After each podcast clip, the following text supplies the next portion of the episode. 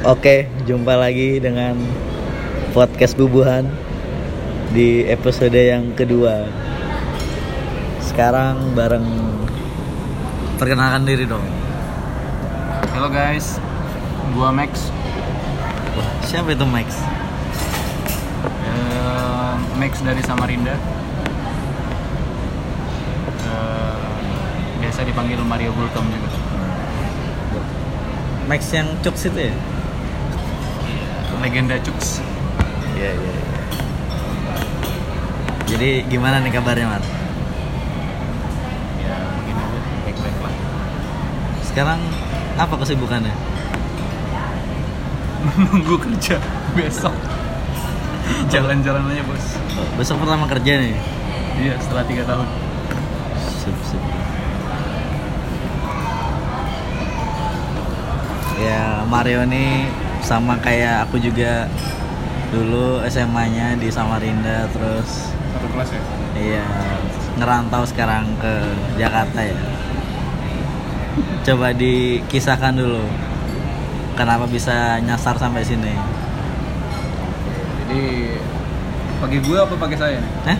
Gua saya apa aku. adanya ya, Mar. Apa adanya. Iya, ini kan bubuhan.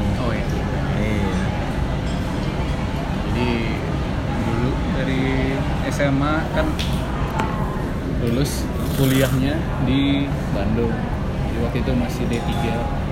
Ambilnya di Politeknik Negeri Bandung. Habis dari situ 2013 lulus bekerja sekitar setengah tahun baru dapat kesempatan lah lanjut kuliah. Nah, dari situ ternyata lanjut kuliahnya ya beruntungnya dapatnya di UI nah, jadi itulah kisahnya bisa di Jakarta dan udah kurang lebih tiga tahun ke belakang lah lanjut kuliah sekarang udah kondisi udah mencari kerja kemarin Berarti udah tua ya sekarang ya? sebagai sesama orang tua mah kita nggak usah nanya lah Oh, iya. 91 ini. kalau kita sudah termasuk orang tua lah di angkatan kita ya Iya, iya. Senior. senior Hmm. Habis lulus nggak ini nggak pengen balik ke Samarinda? jadi sebenarnya dulu sih cita-cita dari SMA tuh selalu pengen ngerantau simpel sih alasannya supaya bisa dapat duit sendiri kan ngatur duit sendiri Ya. terus bisa ya Bebas. bebas have fun sendiri tanpa dikekang Free sex. kan no no Oh. no no Narkoba nggak narkoba? Nggak. cuman supaya bisa beli bir sendiri aja nggak usah ditanya orang. Nggak usah ditanya orang tua kan. Dari situ memang sih belum kepikiran kan mau kerja di mana. Cuman saya kan ambil jurusan oh saya. Aku kan ambil jurusan mesin ya. Hmm. nah dari situ baru nyadar ternyata masa depannya bukan masa depan sih lowongan kerja paling banyak itu di daerah Jawa Barat sini Cikarang Karawang gitu. Jadi nggak ada kepikiran sih dulu mau ke Samarinda nah akhir-akhir ini baru melihat baru mulai merasa ternyata memang pilihan nggak kembali ke Samarinda itu menurut pribadi sih cukup tepat Cukup tepat ya. cukup tepat dan dan disupport oleh keluarga Hmm. karena ya Samarinda kan ya kota para mafia kan susah sih masa depannya bagi orang-orang ya maaf kata lah menyebut diri kita sebagai orang-orang terpelajar kan ya agak susah lah bagi masa depan bagi orang-orang terpelajar di sana yang tidak punya channel lah. Berarti terpelajar nih, merasa terpelajar ya? Oh iya tentu. Oh iya. Soalnya saya bekerja keras buat belajar sebaik mungkin di sini ya. Jadi sayang kalau nggak dimanfaatkan. Dan saya merasa adalah sesuatu yang ditemukan, sesuatu yang diperbaiki. Dia merasa lebih baik lah dibanding. Tapi bukan berarti terpelajar bukan berarti lebih baik dari yang lain enggak. Cuma kan kalau terpelajar kan berarti kan kita tuh mempelajari sesuatu secara komprehensif gitu. Mengikuti teori aturan yang benar.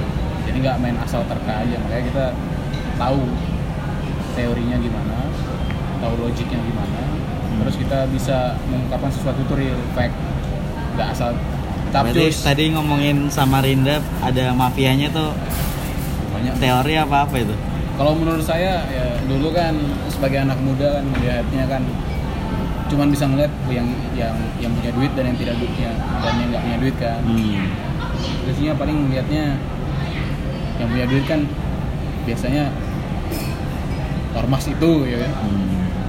ya kan kok kayaknya dari tadi episode pertama juga disebut-sebut ini oh gitu soalnya ini, ini ini ceritanya juga nih bos. Ceritanya juga ternyata katanya seluruh eh, tukang parkir itu anggota ormas tersebut. Cuman saya nggak tahu lah ya. Ini udah beberapa tahun terakhir ini disebut-sebut terus oleh orang-orang di sekitar saya. Jadi ya udahlah. Mungkin kayak gitu kali kenyataannya. Ya kayak eh, premanisme di mana-mana gitu ya. Premanisme terus mafiosonya lah.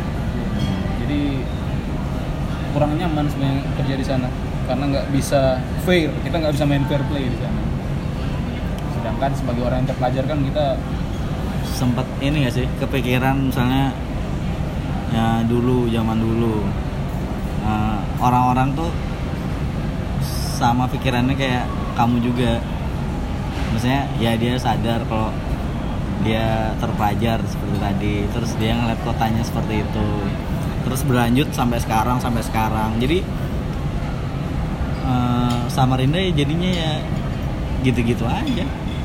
Kayak nggak ada perubahan karena hanya dikuasai oleh segelintir orang gitu. Gimana menurutmu? kalau gue sih wes kalau gue anak Jakarta ya melihatnya ya ya mau gimana pun Samarinda bakal gitu-gitu aja. Dan kalau menurut perhitungan menurut menurut analisa dari ya beberapa keluarga lah. Katanya sih Samarinda 5 sampai 10 tahun lagi bisa dibilang tanda petik lah ya udah kering gitu. Kering dari kesempatan buat bekerja khususnya terus kering dalam ya penanaman modal apa pun lah. Sulit lah mau berdagang pun agak sulit. Kecuali kalau kita punya modal. Nah kalau punya modal kan harus main cantik atau main kotor lah ya kayak Prancis tadi malam ya. Berarti ketahuan nih ngerekamnya kapan nih? Loh Prancis lawan Argentina itu sudah udah pernah bertemu sebelumnya bro. Oh udah pernah ya. Tahun 98 iya betul.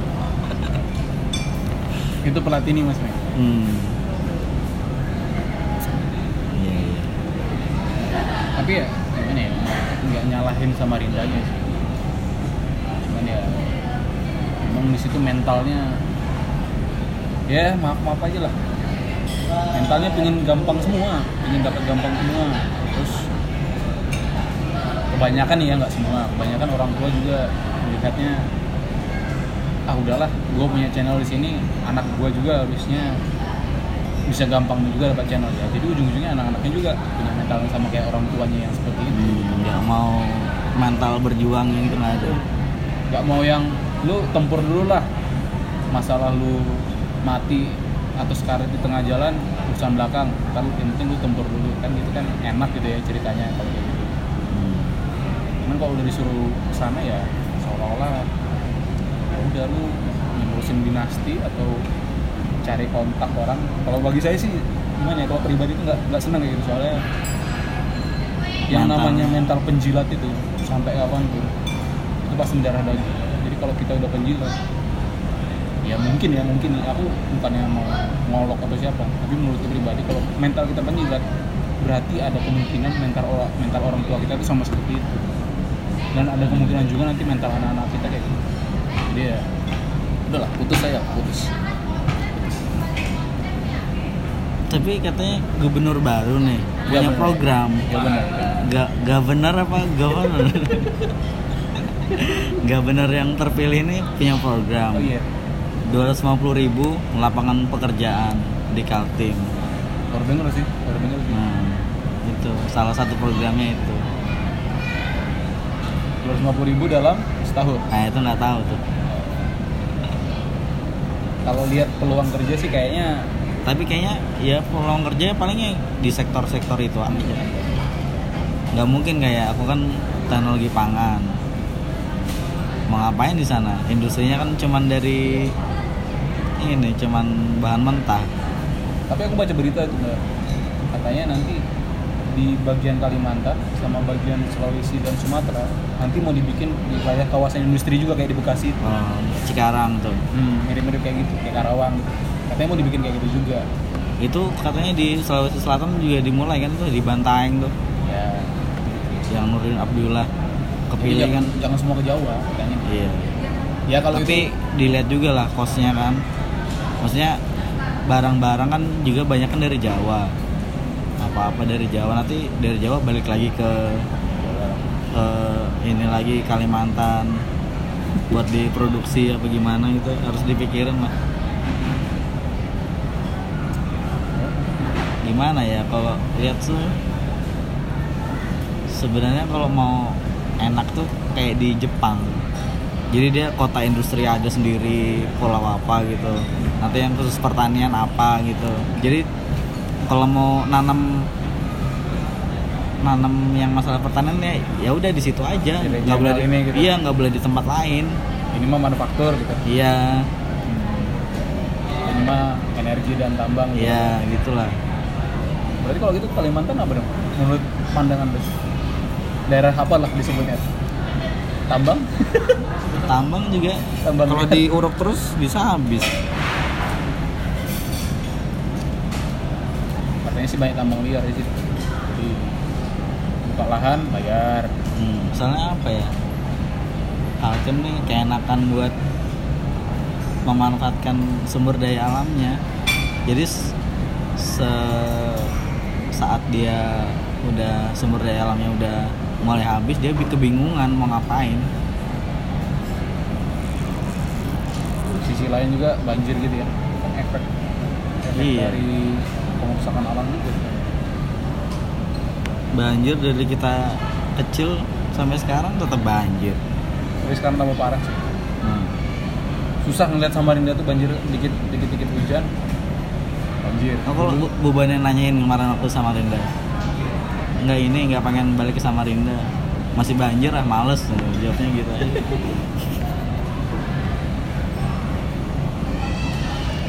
Jadi jadi kalau kalau lu dapat kerjaan di Samarinda lah ya. Nggak usah pakai lu lah, ini Oke, biasa oke. aja lah Oke, siap. Hmm. Biasa, Iya. agak, agak lama di sini, Oh, boy. iya. Oke. Doang-doang Iya. Jadi kalau kamu kira-kira dapat pekerjaan yang mirip lah sama seperti sekarang, levelnya terus eh, pendapatannya sama, mau kerja di Samarinda. Ya Kalau sekarang belum bisa jawab sih berarti memang bukan faktor kerja doang ya. Bukan, ada Kayak- faktor ini juga Di sana tuh gimana Faktor lingkungan lah Faktor lingkungan ini benar-benar faktor lingkungan Hah? atau lebih ke sifat? Hah? Ya dua-duanya kayaknya Ya, ya. Tapi sebenarnya Jakarta gak bagus-bagus banget, gak bagus-bagus juga sih. Maksudnya sini pun tiap tahun kan orang nambah terus. kan. hmm. Ya maaf maaf kata yang nyampah juga makin banyak, kriminal makin banyak. Makanya harusnya bisa dibawa ke sana, harusnya bisa dioper ke sana. Ya. Aku sih kalau ditawarin ya, kalau ditawarin misalkan, "Woi, Bapak Mario, misalkan punya kenalan siapa? Anda dimodalin misalkan berapa M, bikin usaha di Samarinda mau aku gitu, Hmm. meninggalkan semua karir formal gitu, balik ke sana. Itu yang ngomong penjilat bukan tuh? Misalnya, Oh, misalnya. dapat modal pemerintah pusat ya, Hmm. bukan bukan pemerintah pro. Kalau ibu kota dipindahin setuju tuh? Eh setuju. Kalau ibu kota pemerintahan aja yang dipindahin setuju. Kalau perekonomian, jadi kalau pusat pemerintahannya dipindahin ke sana, apa apa, apa pusat. Tapi pusat perekonomian nggak Kayak ini ya di Amerika kan Washington sama Washington New itu York. pemerintahannya kan, New New York. Yorknya Iya. ekonominya. Soalnya kenapa? Bangunan fisiknya di sini men, Iya. bangunan fisik di sini. Terus harus punya infrastruktur yang sama kalau mau ekonominya dipindah ke sana semua. Kalau pusat pemerintahan di sana kan ya setidaknya jalur-jalur infrastruktur transportasi kan. Hmm. tapi ya bakalan lama sih paling. 15 tahun paling. Gak bisa cepet.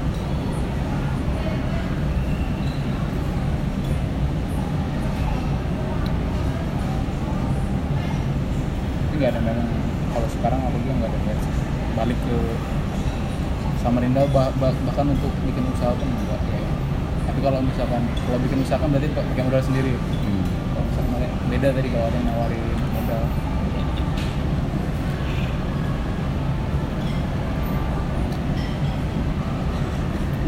Malas juga sih. Agak bergaul sama ya mungkin udah udah terlalu lama kali ya ketemu orang-orang di sini. Orang-orang di sini kan rata-rata terbuka kan. Terbuka sama info baru ide baru. Karena orangnya juga hyperaktif di sini ya kalau di sana kan orangnya rata-rata masa bodoh. Ya. kalau menurutku ya masa bodoh itu ya pengennya enak aja. Kayak dibuat susah tuh. Kalau kalau ditanyain misalnya ada banjir nih. "Oh, banjir terus nih Samarinda ah terus jawabannya alah kamu kayak kada tahu Samarinda aja. Kayak udah jadi apa ya ya udah dari sananya lah ibaratnya gitu kan. Jadi orang-orang ya udah masa bodoh jadinya. Harusnya ada nggak sih kalau di Samarinda tuh kayak kepikiran mahasiswa-mahasiswanya gitu buat seminar apa-apa gitu? Buat ngatasin banjir itu gimana? Manggil dari pihak pemerintah DPR solusinya tuh gimana gitu loh. Kayaknya kurang kritis sih kita di sana itu. Kayak parkir-parkir liar itu.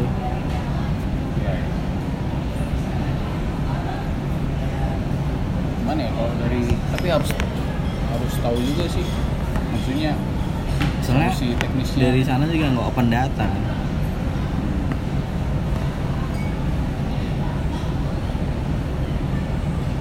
Samarinda udah termasuk maju belum sih hitungannya Nggak tahu ya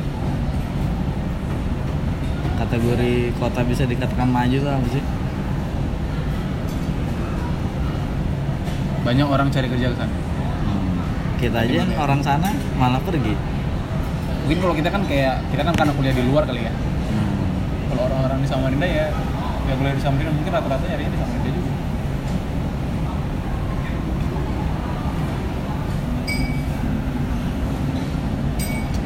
Berarti nggak sesuai ya pilihannya Waga bener waga bener. Nggak bener sama waga bener nih gimana diprediksi? Ya udahlah ini hasil demokrasi. Di nikmatin aja udah hasilnya. Mau gimana lagi? Masa mau marah-marah nggak bisa kan? Biar aja merasakan kan rakyat Kaltim di kita doakan aja kan? Supaya nanti bagus jalannya. Dulu ngikutin nggak sih Mar? Pilkada kalau Kaltim nggak terlalu malah nggak terlalu ya malah dulu tuh DKI Jawa Barat akhir-akhir ini Berarti dulu waktu di Kaltim nggak ada, wah aku pilih ini nggak ada gitu. itu aku sempat milih gitu Maksudnya, ah, ini kayaknya nyari-nyari nih yang bagus ya apa kira-kira gitu. Nggak ada. ya kita lihat info-info dari kalian aja nanya-nanya kayak mana mana yang bagus nih cuman aku sekarang ya aku nih orangnya agak sedikit banyaknya agak pragmatis kan kalau pilih waktu akhir-akhir itu kalau aku sekarang lihat warna kalau aku asal bukan warna Oh. oranye dan warna apa? Coklat Krem? kehitam-hitaman. Krem. itu yang biasa dilambangin pakai itu kan Hmm, ngerti lah ya maksudnya iya. walaupun ya seburuk-buruk apa pun yang misalkan yang kuning, yang merah, yang biru hijau gitu asal bukan yang itu ya. Itu sebenarnya apa ya? Apa sih? Kayak gitu itu filosofi apa sih? Kayak gitu. Apa ya? kayak asal bukan lu lah. Kalau lu udah pasti Iya, ada istilahnya kok itu. nah makanya sekarang kan nggak benernya Martin kan kebetulan yang itu gitu kan Hmm. bilang gimana gitu kan kebetulan bos juga kan PNS ya udah sabar-sabar aja bisa. Cuma bisa bilang gitu aja. Cuman kayaknya nggak bisa nilai individu ya. Kalau aku sih dari dulu pasti lihat sosok sih, nggak pernah lihat partai. dulu aku pengagum Prabowo. Serius. Se sekagum-kagumnya melebihi yang orang lain. Kenapa? Karena saat dia nggak ngomong pun orang itu percaya kalau itu benar. Kayak saudara. Ngomong saudara itu udah kayak kan udah dari dulu ciri khasnya. Iya. yang pas masih sama Megawati saudara. Kayak Soekarno gitu ya. itu Meledak-ledak. ya terus jiwa nasionalisme pingin bener gitu. Maksudnya pingin bener. Jadi seolah-olah itu apa pun yang buruk itu pingin dibenerin makanya sosoknya itu keren. Hmm. gitu. Kira-kira ini nampak blow on Itu karena sekelilingnya sih. terlalu banyak orang minta di sekelilingnya kayaknya Iya, jadi apa ya? Penasihat politiknya tuh ah nggak tahu lah itu. Pasti kan ada yang gitu-gitu kan? ada kemarin dibikin kontrak politik sama para buruh gitu yang pas Mei itu Iya. astaga pendek betul pikiran orang ini mau langsung tanda tangan pengen cari pengen cari suara. Hmm. Kalau nggak semua anggota buruh setuju kan itu kalau dia tanda tangan itu.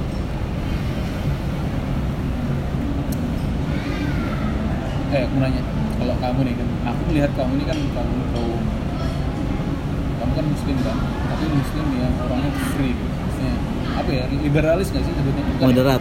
moderat Moderat. moderat ya kan moderat ya Iya, moderat. Muslim moderat ya. Mengikuti ah ya kan? Moderat kan artinya tengah-tengah kan moderat ya. kalau melihat yang fanatik itu kayak apa sih? Muslim fanatik gitu. ya ada sesama saudara yang fanatik. Pinginnya gimana gitu?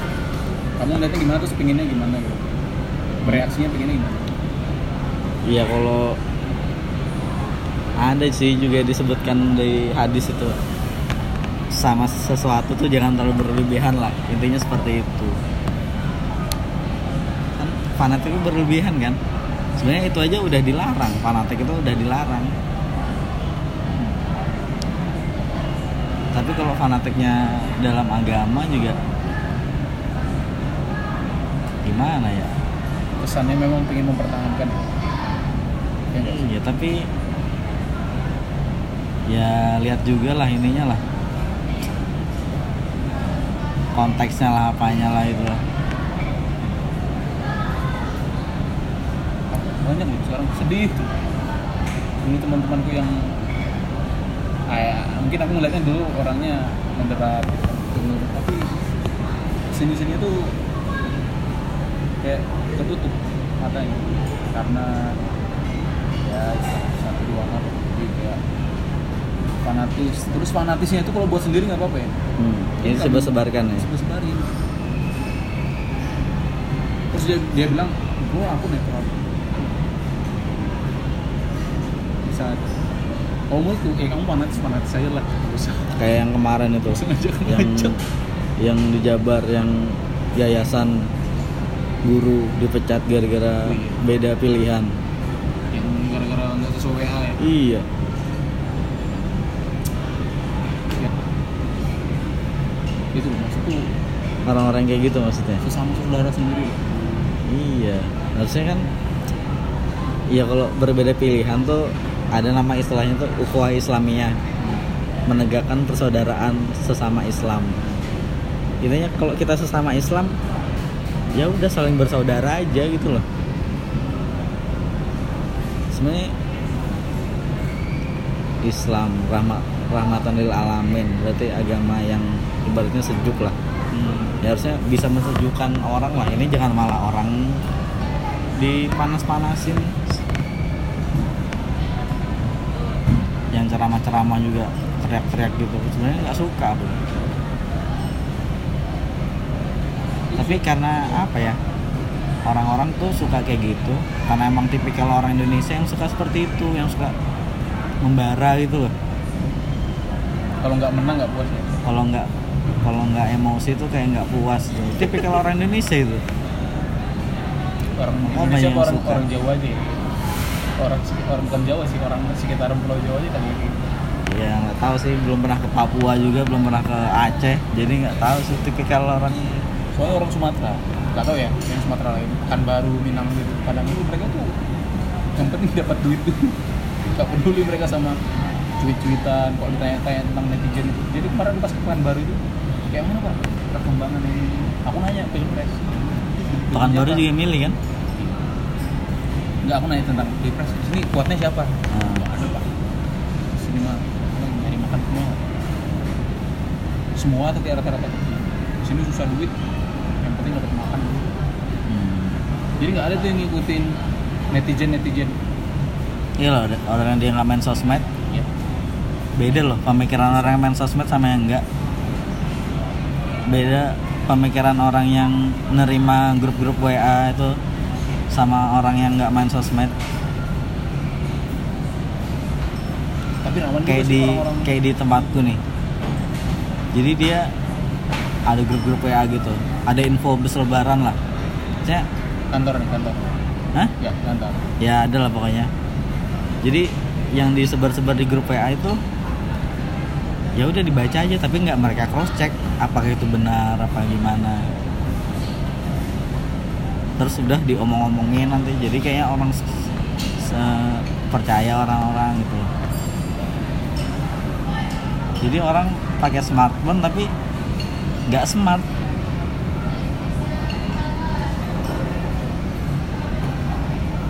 Makanya kalau kayak di Medan itu kan yang menang? Legend itu ya? Iya Edi. Edi itu loh di debat gimana dia. Jarot bagusnya gimana? Gimana tuh Mar di Sumut?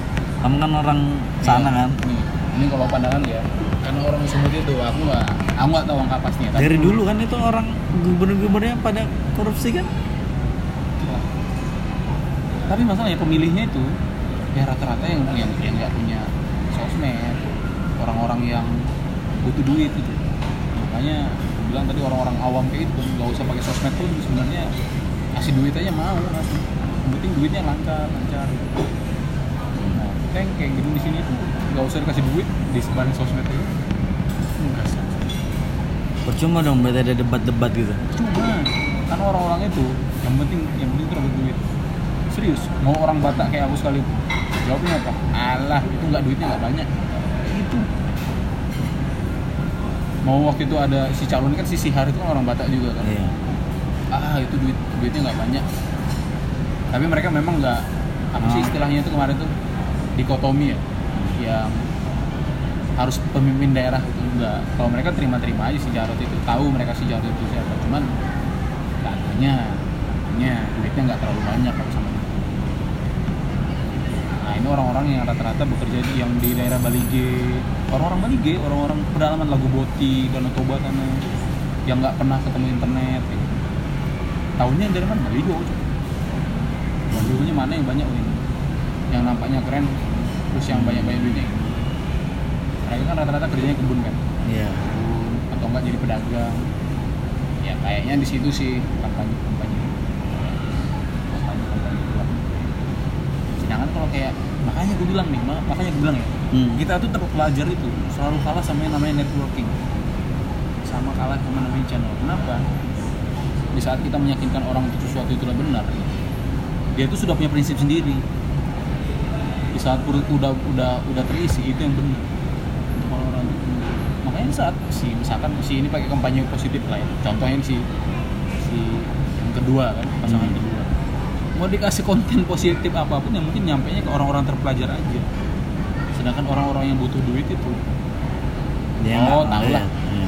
tahu mereka tuh simpel nggak maksudku orang-orang Batak yang di dalam sana tuh simpel oh oh ido kalau bahasa Batak oh gitu ya oh, oh. kebanyakan oh ya maksudnya alah banyak omong Hmm. kan orang Batak kan rata-rata maksudnya sering sering juga lah gampang meremehkan orang kan maksudnya ah ah gitu lah terlalu gini gini jadi kalau nggak langsung ini kesannya nggak ada nggak ada duitnya. Itu lah dia ngomong-ngomongin kemarin itu sama orang walaupun aku kemarin ketemu sama orang dari Pekanbaru tapi pedalaman pedalaman Bali sana orang-orang desa sana. Jadi kalau mau dikasih kampanye yang positif maaf kata aja otaknya nggak nyampe.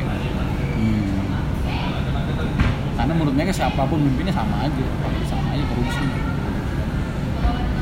Yang penting aku dapat makan nggak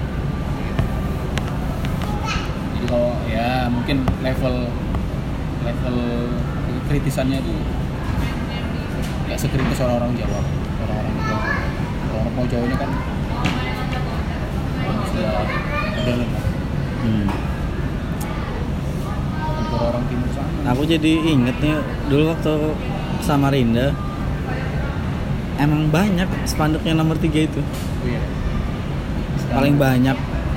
Kayaknya tiap meter ada deh menang nggak dulu sama Rinda? Belum tahu ya. Iya nomor tiga itu yang menang tuh Nggak, yang menang count. menang dia, nggak tahu ah ya? itu nggak tahu tuh. Ya, kayaknya dia datang terus tiap undangan orang ya. Tiap undangan di Islamic Center loh. Aku rasa datang terus. Kalau kata temanku sih yang dukung nomor tiga tuh salah satunya karena dekat dengan ulama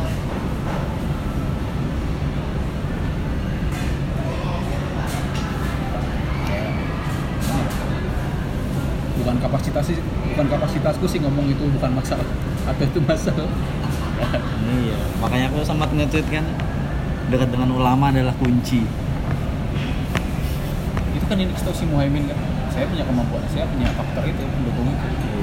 Kalau Pak Jokowi milih saya pasti menang. Tapi janganlah kayak gitu. Jangan. itu kan tapi kalau dilihat di Kaltim tuh nggak ada ini loh. Nggak ada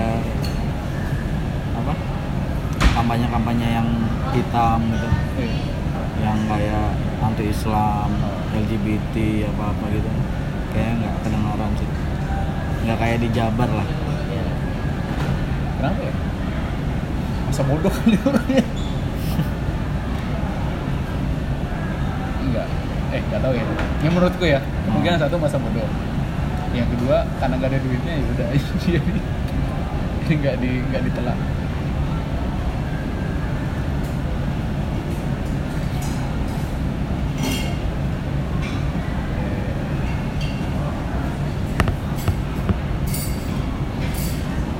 Soalnya di Sumatera itu gaji 2 juta itu gede. kayak orang terima 5 juta loh Bos. Hmm. tapi biaya hidupnya gimana? Sedikit lebih murah daripada di Jakarta lah. Mungkin se- mungkin sekarang Bandung. Contohnya kayak makan es campur. Kalau di sini kan 15 ribu ya. Hmm. kalau di sana 7 ribu 8 ribu. Makan bakso kalau di sini 12 ribu di sana 9 ribu. Hmm. ganjil ganjil. Paling mahal itu 9 ribu kalau pakai komplit. Belum pernah ngejak Pulau Sumatera sih iya. Iya padang-padang itu paling belum. Sumatera pokoknya belum semua. Kalau kulihat orang-orang di Sumatera itu ada miripnya sama Kalimantan. Cuek-cueknya itu. Hmm. tahu apa sih? Alah udah bodo amat kayak gitu. Nggak terlalu ngurusin sesuatu gitu kalau nggak ada kalau nggak ada duitnya ngomongin politik terus bos lagi hangat soalnya lagi hangat. Jadi ngomongin apa nih? Inter Inter. Baik, kita berdua nih sesama Interisti ya? Oh aku ada cerita. Apa? Dulu aku pernah di Twitter dibully. Dibully Jadi, gimana? Dulu aku punya akun Twitter lama. Namanya Mario Gulto. Nah itu sudah keblok sekarang karena aku lupa passwordnya. Jadi waktu itu dulu pas tahun 2011an.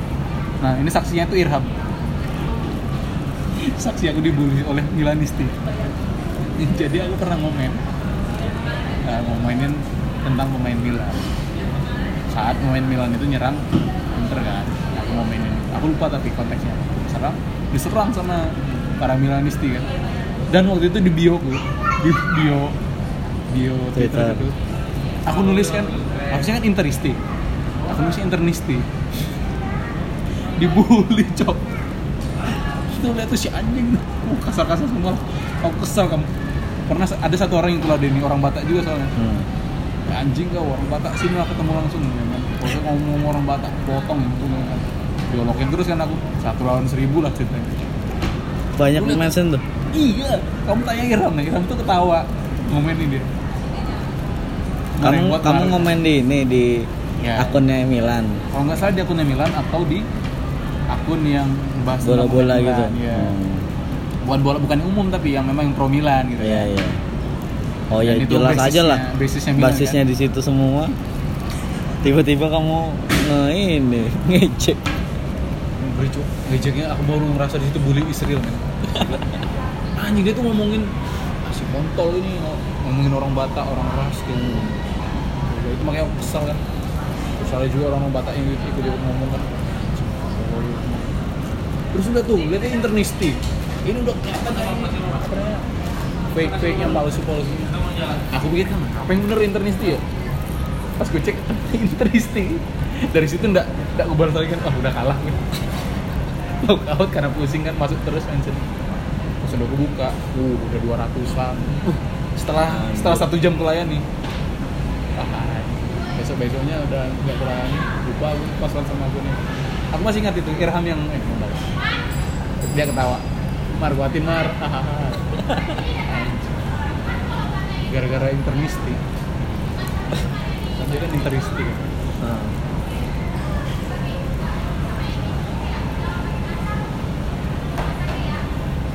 tapi aku bukan tipe yang suka yang terlalu hatam sih kalau debat tuh. Nggak kayak levelnya nggak kayak nggak kayak Diki nggak kayak Gary lah ya. Yang kalau pengetahuan bolanya tuh bisa dibedain kok. yang mana fanatik sama sepak bola sama yang fanatik sama tim. Siapa nih kalau fanatik? Itu apa tim? eh? ya ada lah. Iya sih. Ada juga sih yang terlalu fanatik sebenarnya. Iya. Bukan fanatik sama tim fanatik sama pemain gitu fanatik sama tim sama pemain sampai ke timnas timnas di bawah juga. Kan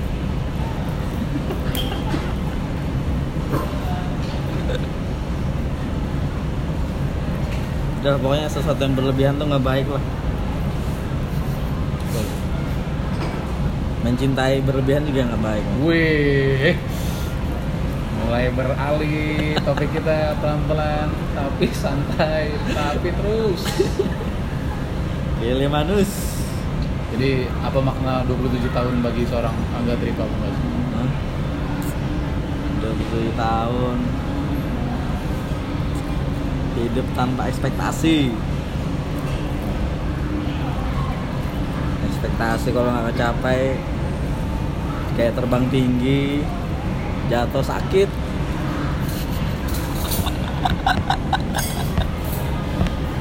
Nggak tahu ya, nggak tahu. Ini ini menurutku aja. Jadi maaf maaf kata ya kalau salah. Eh, Kalau menurutku terlalu konyol orang itu sampai benar-benar sakit hati karena masalah cinta.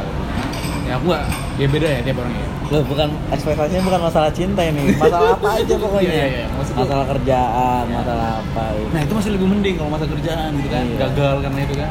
Hmm. Soalnya gagal itu pasti mar selalu ada kegagalan jadi kalau ada gagal ya udah kita move on aja. Keraguan-raguan itu pasti. Nggak mungkin ada manusia yakin banget nggak ada pasti ragu-ragu. Apa tadi ngomong ngomong apa? Itu kalau topiknya enggak maksudnya kalau kerja jelas lah ya. Maksudnya itu kan langsung berimpact langsung kan kamu usaha nyari kerja ternyata nggak terima. Atau nggak berhubungan sama keluarga kamu bermasalah sama keluarga nggak diizinkan kuliah di sini atau pergi ke sini kayak jadi kesal sama orang tua. Ini kalau ya? ya mungkin mungkin ya ini pribadi itu kan aku aku nggak terlalu dal- pernah mencintai seorang terlalu dalam kali ya. Nah, jadi menurutku agak konyol kalau orang itu terlalu sakit hati gara-gara cinta soalnya cewek yang bersangkutan pun bukan siapa-siapa bagi kita sebelumnya gitu kan. Jadi nggak ada ikatan batin sebenarnya tapi sebenarnya ini salah. Aku nggak tahu lah kayaknya saya kan belum pernah bercinta sih? Tapi cintanya bos. Maksudnya ya mungkin mencintai terlalu dalam belum pernah Kalau menurutku harusnya recovernya lebih cepat dan nggak sebegitu depres lah kalau menurut masalah cinta aku nggak depresi kok biasa aja. Enggak, ini umum, bukan Oh, kamu ini, bukan, bukan. Oh, bukan. kirain ngomongin Enggak. aku Cuman kan kemarin kan sempat kayak gitu kan jadi ya. Gue juga belajar juga. Tapi salah juga sih kalau kata orang yang benar-benar fanatik sama romantisme. Kenapa men? Soalnya kalau aku ngomong kayak gini dianggap kamu itu tidak benar-benar mencintai pasangan. seolah-olah jaga jarak. Jadi jangan terlalu cintai orang lah supaya nggak terlalu sakit hati. Ngomong cinta Kesel. siapa yang ngomong gitu mas ada? Banyak lah quotes quotes di twitter itu. Tidak sindah drama lah. Ya drama Korea. Lawan Jerman.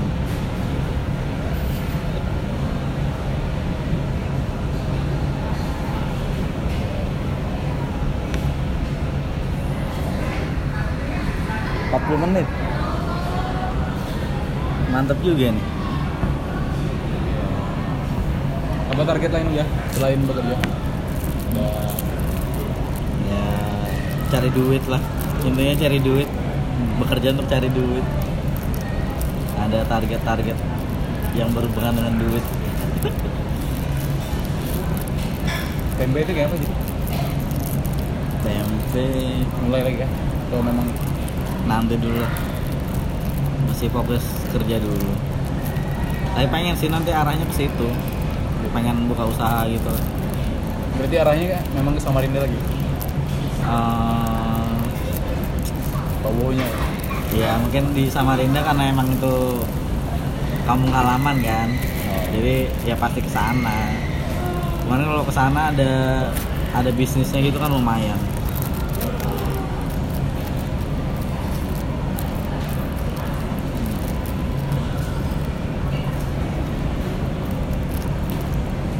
Tapi aku agak heran ini kita sharing sharing aja bukan agak heran sih sebenarnya berbagi pendapat aja kayak bubuannya yang di ini yang di LPDP nih. Nah aku nggak tahu makanya aku nanya.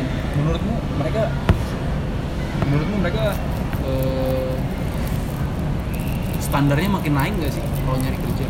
Atau mereka memang justru malah LPDP mereka makin sadar bahwa harusnya sesuatu itu dimulai dari bawah. Jadi nggak harus harus yang tinggi tinggi banget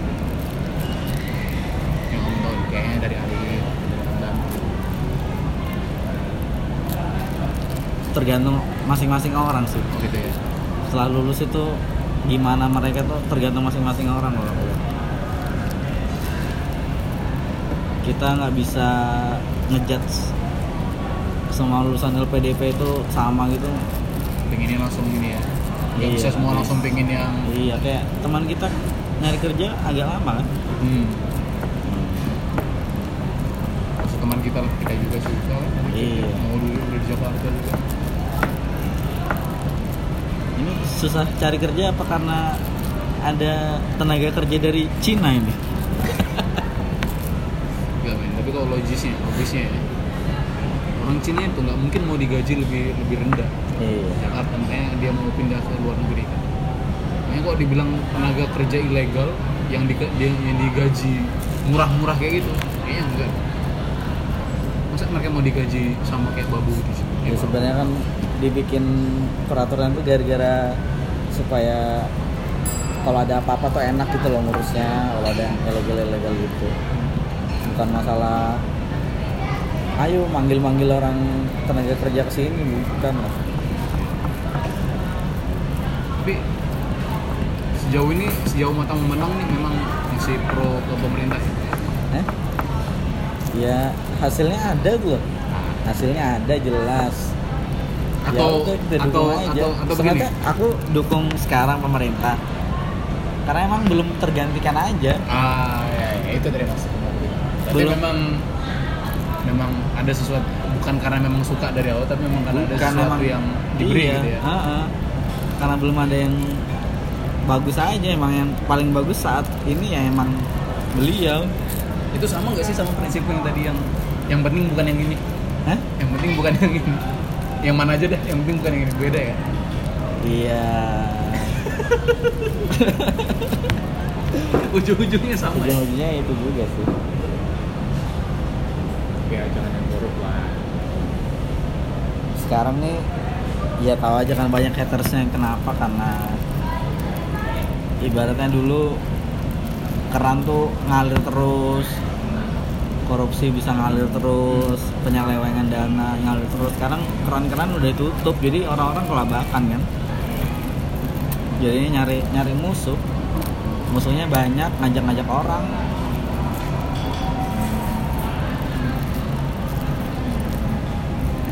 Utang makin banyak pemerintah ini yang terus disalahin ya?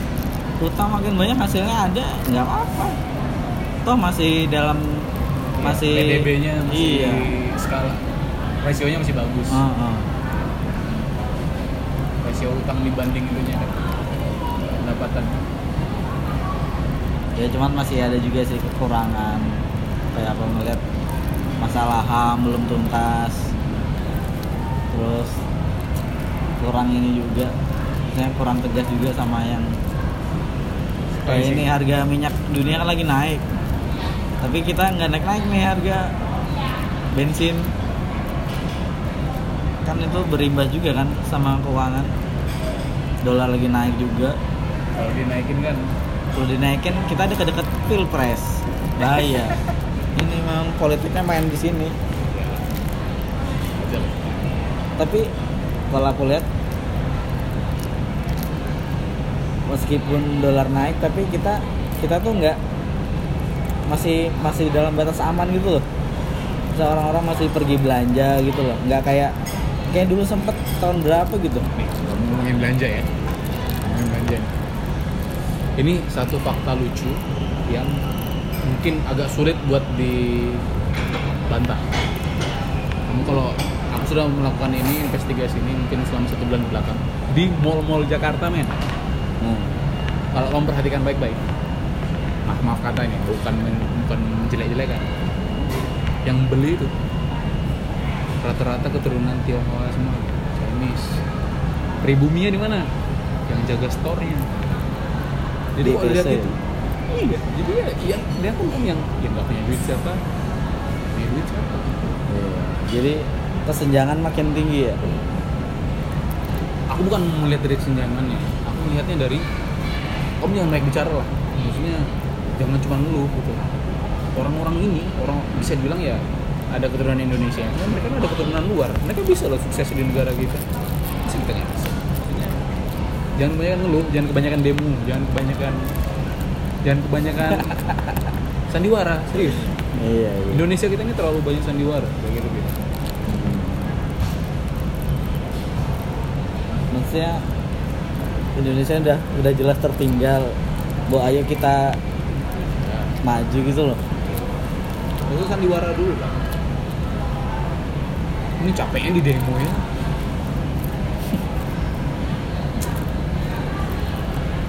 Kamu punya teman yang ikut demo nggak? Nah demo tuh masih mending kan teman-teman baikku yang udah nyebarin di grup-grup WA tuh nyebarin nyebarin podcast kayak gitu.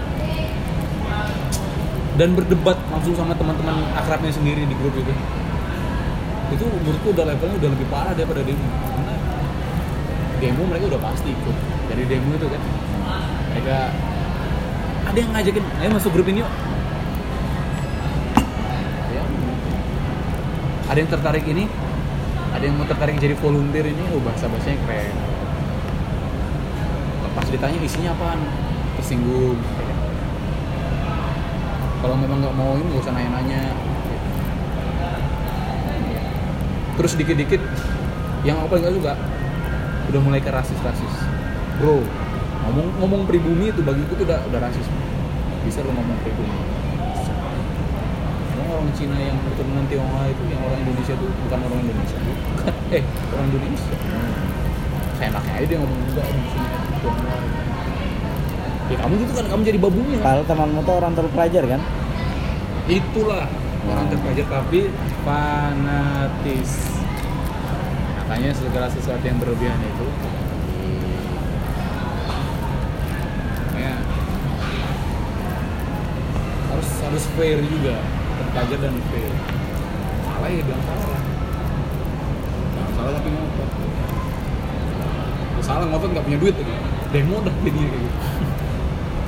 Minta minta apa apa diturunin. Tapi nggak punya duit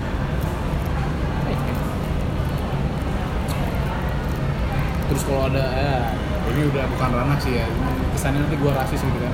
Gua ya. Kesannya jelek-jelek kan kan. Hmm. gak usah bawa gak usah bawa agama agamamu jadi tameng gitu. Bisa kasihan aku punya teman-teman yang punya ya aku sebut langsung agama Islam yang teman-teman yang orangnya cerdas gitu. Mau berusaha. Bijak.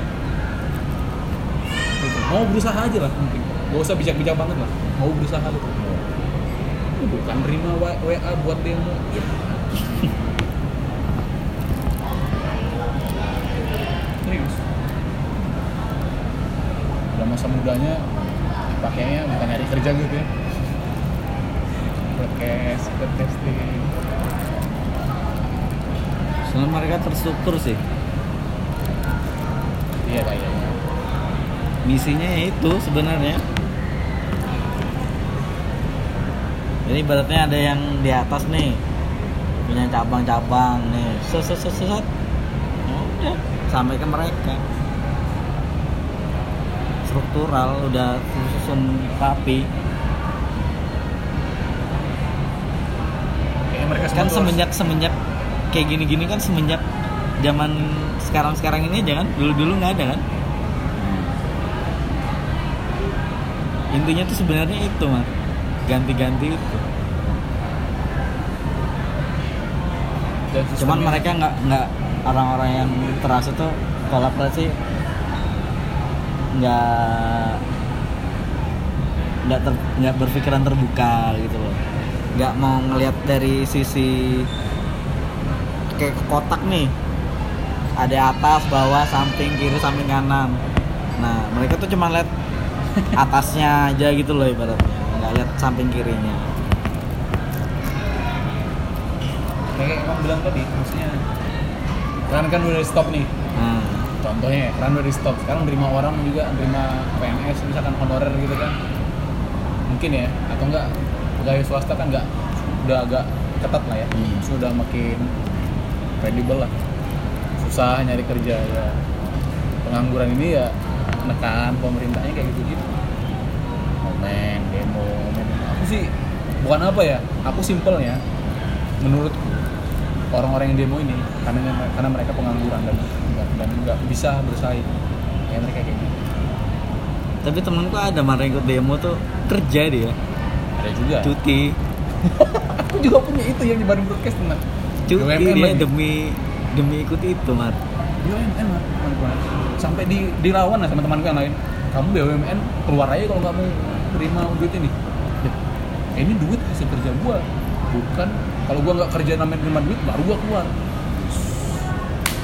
Kan? Memang ya terstruktur dengan baik lah. Tujuannya.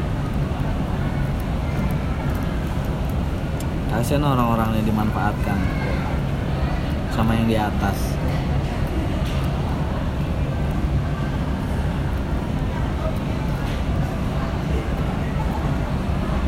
kita ribut-ribut yang di atas ketawa-ketawa loh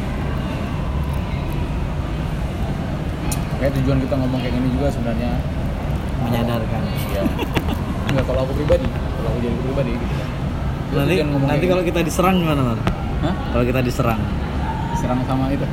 Nah, jadi ya kalau ada yang berbeda opini ya kita terbuka ya buat. Kalau yang namanya berbeda, ya kan, kan Pasti. beda beda perspektif kan. nah Itu absolut atau enggak? Iya enggak? iya Salah misalkan dia bilang, "Mar, kamu salah." Absolut enggak salahnya. Kalau relatif itu diobrolin gitu kan. Terserah kamu. Kalau aku sih orangnya gitu, Mat. Hmm. oh ya terserah kamu misalkan kecuali aku salahnya absolut oh ya gue salah terbuka lah buka fair fair harus fair kita kan bukan kita kan terpelajar maksudnya kamu tahu relatif itu yang mana? Yang absolut itu yang mana iya iya, iya. nah, jangan dipaksain. Tapi sebenarnya ada tujuan juga kita ngomong-ngomong kayak gini tuh. Setidaknya kita memastikan lingkup kita itu lingkup kita itu nggak nggak nggak terpengaruh oleh fanatisme kayak gitu gitu tapi aku tertarik loh misalnya aku ngobrol juga sama orang-orang yang kayak gitu. itu nggak masalah aku. Aku pengen tahu aja dia gimana pemikirannya gitu gitu loh. Ya sharing mah nggak apa-apa. Iya. Soalnya kan kalau kita ada tujuan pribadinya kan ya kalau aku pribadi tujuanku memastikan jangan sampai ada kayak gitu. Kalau kayak gitu kan fanatisme terlalu berlebihan kan. Ya apa apa itu dilihatnya tuh remang-remang gitu simpelnya ya daerah keluarga aku maksud, maksud ke mana aja daerah keluarga selamatkan diri dulu lah ya kan? Harus selamatkan yang lain. Bahasa menyelamatkan kayaknya. Seolah-olah ini banget kotor gitu. Enggak sih ya, membantu menyadarkan. Ada grupnya keluarga Mat? keluarga besar itu? Kalau keluarga sendiri ada keluarga besar belum ada ya? Hah? ada Ada itu gitu-gitu juga? ya jelas lah nggak pernah bersuara. Gak ditanya ke Angga gimana suaranya sekarang Angga di mana sekarang di Cikarang oh Cikarang itu yang suka macet itu ya oh pasti lihat liputan info mudik nih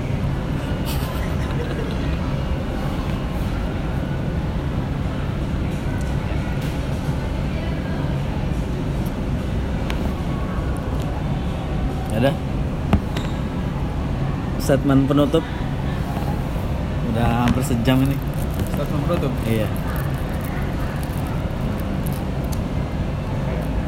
Nggak harus yang bagus-bagus ya? Nggak apa tanggapannya mengenai podcast ini apa gimana? iya. ini rencananya nanti aku, aku membuat email. Hmm.